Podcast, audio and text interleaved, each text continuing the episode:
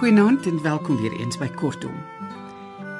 Vanaand gaan ons luister na 'n verhaal van Petra Müller uit haar bundel Desembers wat 'n kort verhaal keur is deur Rachel Greef. En ehm um, ja, dit is dalk nie 'n vreeslike vrolike verhaal nie, maar ek dink dit is 'n baie goeie verhaal. Susan Beyers gaan dit vir ons lees. Lekker luister. Die twee dogters van Jan Wessels het afgesonderd groot geword op die Ruggensplaas in die Hardeveld van Koribi. Leeftog was daar genoeg. Behalwe geselskap het hulle niks kort gekom nie. Dit was 'n groot gladde werf op 'n ronde heuwel waar die veldskoenblomme hul arm stekelrige bloeiwyses in die lente uitgestoot het. Kinders moes skoene dra daar. Die dorings van daai bleek blomme was gevaarlik. Op een volgende dragte haaslammers het die werf glad en gelyk gehou. Die huis het stomp en alleen teen die hoogte gestaan, sonder 'n beduidenis van tuin. Die moeder van die twee kinders is dood met die derde kind se geboorte. Die kind ook. Jan Wessels is verslaag gelaat. Sy verowering van Hanni was die een groot daad van sy lewe. Sy ouer suster het kom huishou. Die meisies het groot geword. Op geleentheid het die ouer suster dood gegaan en sy's langs Hanni begrawe. Jan wou weer iemand kry om te kom huishou. Maar die dogters, so byna saamgebore dat jy hulle tweeling sou wou noem, het hul pa so dringend gevra om dit nie te doen nie dat hy toegegee het. Hulle het die huishouding oorgeneem en dit het goed gegaan. Sorgsaamheid en netheid was ingebore in hulle. Hul name was uit die Bybel gekies, nog deur die moeder self, Naomi en Rut. Vanselfsprekend is dit nie sustersname nie, maar die moeder het haar eie sin en Jan het maar toegegee. Naomi was 'n jonger een. Rut was skaars 2 jaar ouer, maar sy het vroeg die rol van moeder aanvaar. Van die twee was Naomi altyd die sagtere en stille. 'n Meisie met ronde ledemate en bleek ligte oë wat sy strak gerig het op mense. 'n Stille waters. En Rut was die voorslag. 'n een Eenheid was hulle. En wanneer goedbedoelende buurvroue raad gegee het met die huishouding, het hulle stilweg en beleef hulle eie gang gegaan. Nog lof, nog kritiek het skynbaar veel verskil gemaak by hulle. Die vader het soet en moeiteloos oud geword en gesterf nog voordat sy lewe eintlik voltooi is. Hy's langs die ander wesselse begrawe. Sy gedagtenis sit op die werf verstryk soos een van die seisoene self. Miskien die krakende, bloedwarm somer of die gelate herfs, dit maak nie saak nie. Rut was toe reeds lank verloof aan Pieter Smit, 'n jong boer uit 'n ander distrik. Die ouer man se dood het die saak op 'n punt gedryf en hulle het besluit om te trou. Naomi intussen het gaan leer vir onderwyseres en 'n pos op die dorp aanvaar toe sy klaar gemaak het. daarmee was Pieter Smit nie tevrede nie. Naomi moet wegkom uit die wêreld. Julle leefte toegeslaan hier, het hy gesê. Sy gaan nie man kry nie. Wat laat jou so dink? Wou Rut gesteerd weet. Naomi is mooi. Het sy al ooit 'n kerel gehad? het Pieter gevra. Rut het met eens en met verbasing besef dat Naomi nog nooit 'n eie mansvriend na die plaas toe gebring het nie. Dit was nog altyd die vriende van Rut se mansvriende wat met Naomi uitgegaan het. Naomi is een van daai mooi uitnemende meisies wat nooit man kry nie, het Pieter gesê. Ons moet haar afgetrou kry. Toe Pieter met Rut trou en sy intrek neem in die stomphuis met die gestreepte veranda, het dinge dadelik begin verander op die werf. Daar's 'n kring jong bloekombome reg rondom die kroon van die heuwel geplant. Die hele werf is omgeploeg. Hy kon die plat plat plante nie verdra nie. En daar's 'n rotstuin langs die huis aangelê met skurwe bergklippe, vygies, alwee en gevlekte vetplante. Die saaiboerdery het nie opgelewer wat dit moes nie. Dit was dikwels onderstandaard koring wat op Karibi opgelewer is. Pieter het dus 'n groot varkboerdery aan die gang gesit. Netjiese klipstalle wat hy self op 'n helling gebou het, sodat 'n mens dit met min water kon skoonhou. En dit het gefloreer. Ook sy eie gesinnetjie het vinnig aangegroei. Almal seuns. Sy geboorteplaas in die Verdistrik wou hy nie prysgee nie. Hy het dikwels naweke soontoe gegaan om daar te gaan toesig hou en sy mense te sien en laat Sondagnag uitgeput teruggekom. Hy was 'n ywerige man. Die naweke het Naomi altyd op Koribi deurgebring. Sulke naweke was iets spesiaals in haar lewe. Sy het opgegaan in haar suster se kinders. Vrydagmiddag tel sy hulle in haar motortjie by die koshuis op en hulle ry uit plaas toe waar rit hulle stralend inwag. En Vrydag aande gesels hulle laat, soos mense wat weer by dieselfde put die water van hul tuisland drink. Jy het eintlik alles wat 'n mens kan wil hê, Rit, sê Naomi. Ek het gewerk vir alles wat ek het, sê Rit. Dit lyk of Naomi iets wil sê, maar sy sluk dit weg. In plaas daarvan lig sy haar kop op, asof haar kraag haar smoor om uit te kyk na die sagte groen graanlande wat soos afgeronde moederborste tot aan 'n ver gesig einderstrek en daar uitwis in die lente duins. Ja, sê sy. Jy het gewerk daarvoor. Smiddag laat gaan stap hulle met die kinders. Die lentes hier is vlak en vlugtig en dit vergaan byna voor jou oë in bokhoringkies wat oop bars en wegry op die wind. As hulle terugkom van die paadjie tussen die gars, dwaal hulle af na die klein begrafplaas in die duik van die werf. Voor die graf van hul vader vertoef hulle nie lank nie, maar by die graf van Hannie Wessels, gebore Odendaal, staan hulle dikwels lank stil terwyl die kinders ongeduldig teen die heuwel op huis toe hardloop. Naomi onthou heeltemal niks van haar nie. Rit 'n bietjie. Maar hulle het haar lief en verlang na haar met 'n onkeerbare drif wat uit hul kinderjare kom. O, ek wou jou sê, sê Rit bly. Ek het nou die dag iets nuuts van ma onthou. Ek het baie keer ook so gaan stap, smiddag. Daar rus ons so elke nou en dan, want ek kon nie byhou nie. En waar ons gesit het, het sy altyd 'n stukkie van die grond skoongevee in 'n ronde kring en dan het sy daar 'n prentjie gepak. Prentjie? vra Naomi haar oë opgeskroef teen die namiddagson. Ja, sommer van wat daar was.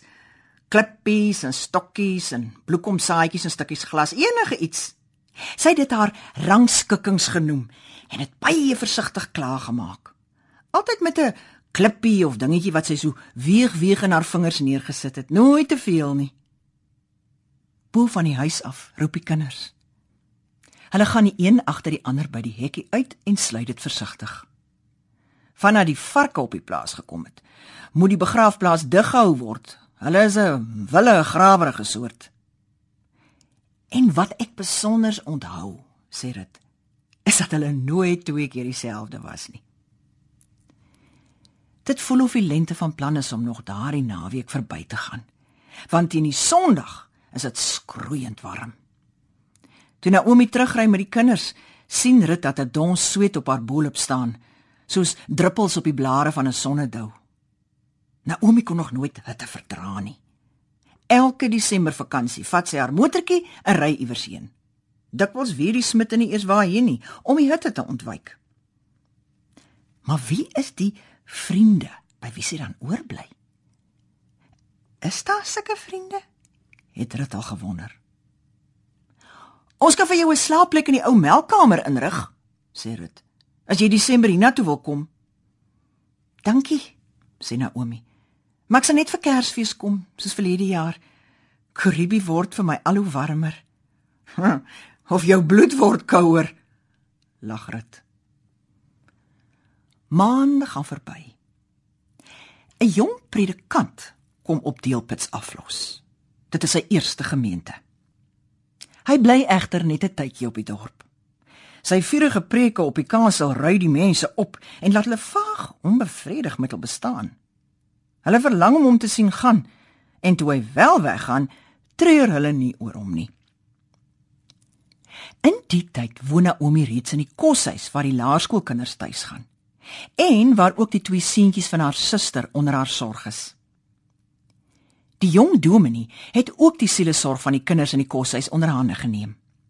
Die skemeruur saans, wanneer die kinders gewoonlik op die kweek geremoer het na die aandete, is nou aan opwekkingsdienste afgestaan. Dit is sommer daar in die openlig op die kweek gehou. En die kinders het bevange gesit en kyk hoe dat die dominee in die toenemende donker voortpreek asof daar vir hom nie dag en nag bestaan nie. 'n Vreemde koors van vernuwing het onder hulle ontstaan. Kort na die dominee se vertrek, het Naomi siek geword. Sy het dikwels in die bed gebly. Die kleiner kinders wat haar geselskap gemis het, het haar in haar kamer gaan besoek. Hulle het haar met nat gehuilde oë gevind en soos jong hondjies op haar bed geklouter om haar te troos. 'n Tydjie daarna het die ontvangsdame van die dorpsdokter uit haar plek gepraat. Naomi Wessels was swanger en dit was die jong dominee se kind. Sy kon dit bewys. Die dorp was ontstig. Vir al die mense van die ouer geslag wat vir Jan en Hannie Wessels nog onthou het. Die Here weet, daar's sonne genoeg op aarde dat dit so na aan jou moet kom hier onder jou neus in die koshuis. En die jong predikant, 'n hele loopbaan verwoes. Wat 'n toekoms is daar na dese vir die mense? Tot almal se verbasing het Naomi uit haar siekbed opgestaan en met haar skoolwerk voortgegaan asof niks gebeur het nie. Inderdaad het dit met die tyd gebleik dat niks gebeur het nie. Naomi was nie swanger nie. Dit kon iedereen sien. Nog 'n riem telegram. Mense tog. Toe het een van die koshuismeisies uit haar plek gepraat. Naomi bind haar op. Sy bind lappe om haar lyf. Soms word sy gesien met 'n deursigtige laag sweet op die bolop, vlak asemend. Naomi bind haar op. Die mense het egter traag aan hierdie berig gevat. Sy het nie meer die dokter gaan besoek nie en die ontvangdame het ook geswyg. Naomi self het met haar skoolwerk voortgegaan tot na die eind van die jaar toe. Volgens berekening moes sy toe 7 maande swanger wees. En wat jy nou al gesien 'n mens kan dit wegbind. Daarna is sy in haar motortjie weg om vakansie te gaan hou, elders, soos sy elke jaar doen. Die vroue van die dorp was verdeel in twee faksies en verbitter teen mekaar. Die skoolhoof se vrou het ingegryp. Dit was 'n skande dat daar soveel geskinder kon word op 'n plek soos Deelputs. Dit was nie die eerste keer dat mense 'n heeltemal onskuldige meisie veroordeel en haar naam tot niet maak nie. Waar die storie in die eerste plek ontstaan? 'n Ontvangdame in hoërskooldogters. Kort voordat die skole weer sou open en net na die hittige Kersfees het Naomi teruggekom. Dit was die warmste tyd van die jaar. Sy het haar intrek geneem op die plaas in haar ou kamer, soos sy tevore elke Kersfees gedoen het. Maar die huismense het haar nie veel gesien nie. Sy was siek.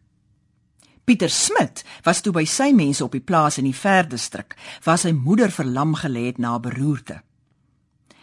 In die najaar slapte op Karibiese werf, het Ritkaas gesien om die boerdery aan die gang te hou. Veel was daar nie om te doen nie, die oes was in.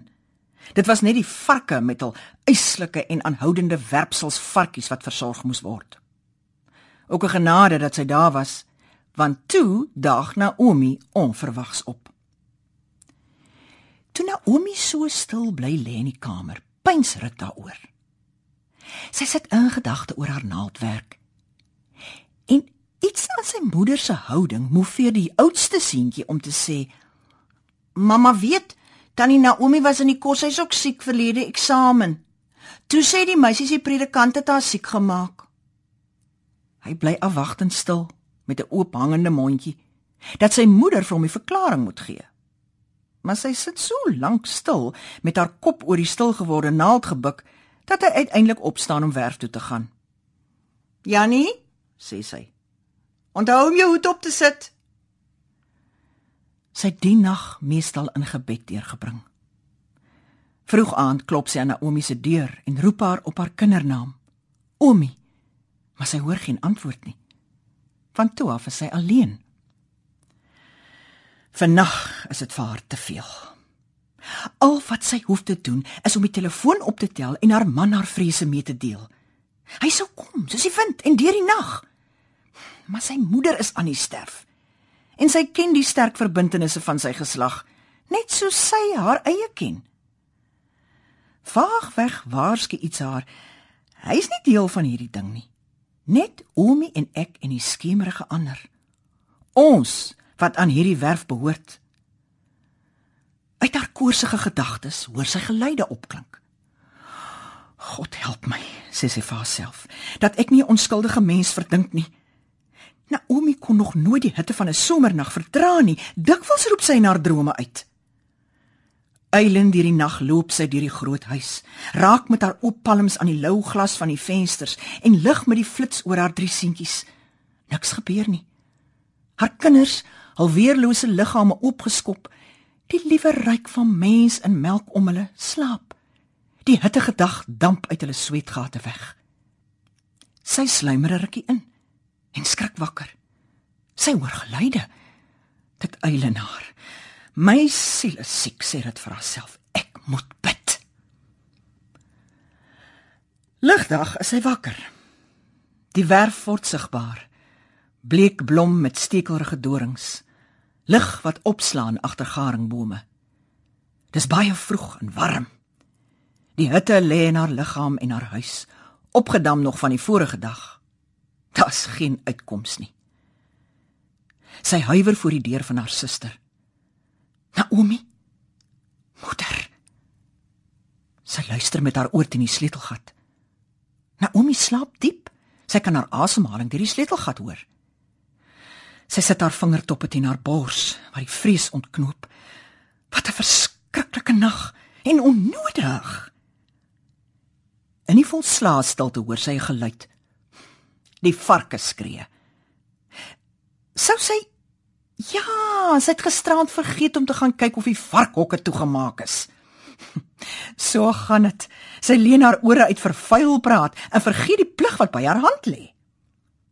En die groot sog, die vulle ding wat nou net gebaar het, dit natuurlik losgebreek. Dis haar stem wat sy hoor. Vinnig gaan sy na haar nagrok buitentoe. Vreemd. Die geluid kom van die ander kant van die werf, van die duik. Soos iets wat feesvier, 'n hoë skril vark geskree. Sy kry die varksog aan die rondslurp in die begrafplaas. My God, dink Rit, word ek gestraf? Toe sy naderkom, sien sy dat die dier uit 'n nuwe vlakgraf, vlak langs die bedding van Hanni, 'n stuk pink vlees omhoog gooi. Daar's 'n voordag liggie wat om haar pluk en haar nagrok saggies om en om haar bene waai terwyl sy staan en kyk hoe die varksog die mismaakte mensgeboorte vreet. Hoe koel is dit hier? Hoe skoon is die plaas?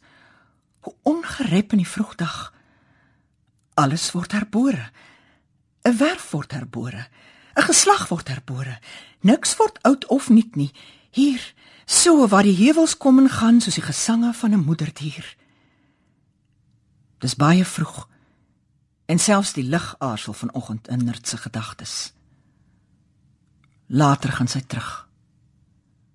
Almal in die huis slaap. Sy maak tee in die kombuis en smeer sorgsaam botter op die dun snytjies brood wat sy rooster en opeet, rooster en opeet. Toe hoor sy geluide in Naomi se kamer. Dieselfde geluide as die nag en nou herken sy dit. Die nawee sy gaan met 'n vol skingbord na Naomi se kamer en stoot die deur oop sonder om te klop want sy hoor haar suster reeds van buite sy voer haar suster die tee en die brood en bring 'n baadjie warm water met 'n waslap en was haar af sy bind haar dik hare vas en rol die komberse af toe was sy haarself in dieselfde water voor die bed op die matjie en gooi toe die gordyne oop. Toe Naomi se huilstorm kom, sit sy agteroor en wieg haarself en sing 'n dientlose wysie. Net voordat haar suster eintlik aan die slaap raak, draai sy haar na Rit toe om. Diep in haar oogkasse rus haar bleek oë. Haar hande val oop, die vingers slap op die laken. Dit sou 'n dogtertjie gewees het, sê sy. Ek weet. sê dit.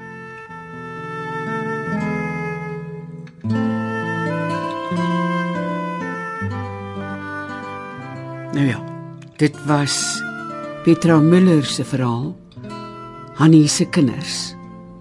En dit het verskyn of ek het dit gevind in haar bundel, versamelbundel Desembers wat 'n kort verhaal keur deur Rachel Greef is en wat by Tafelberg verskyn het. Susan Beyers het dit vir ons gelees.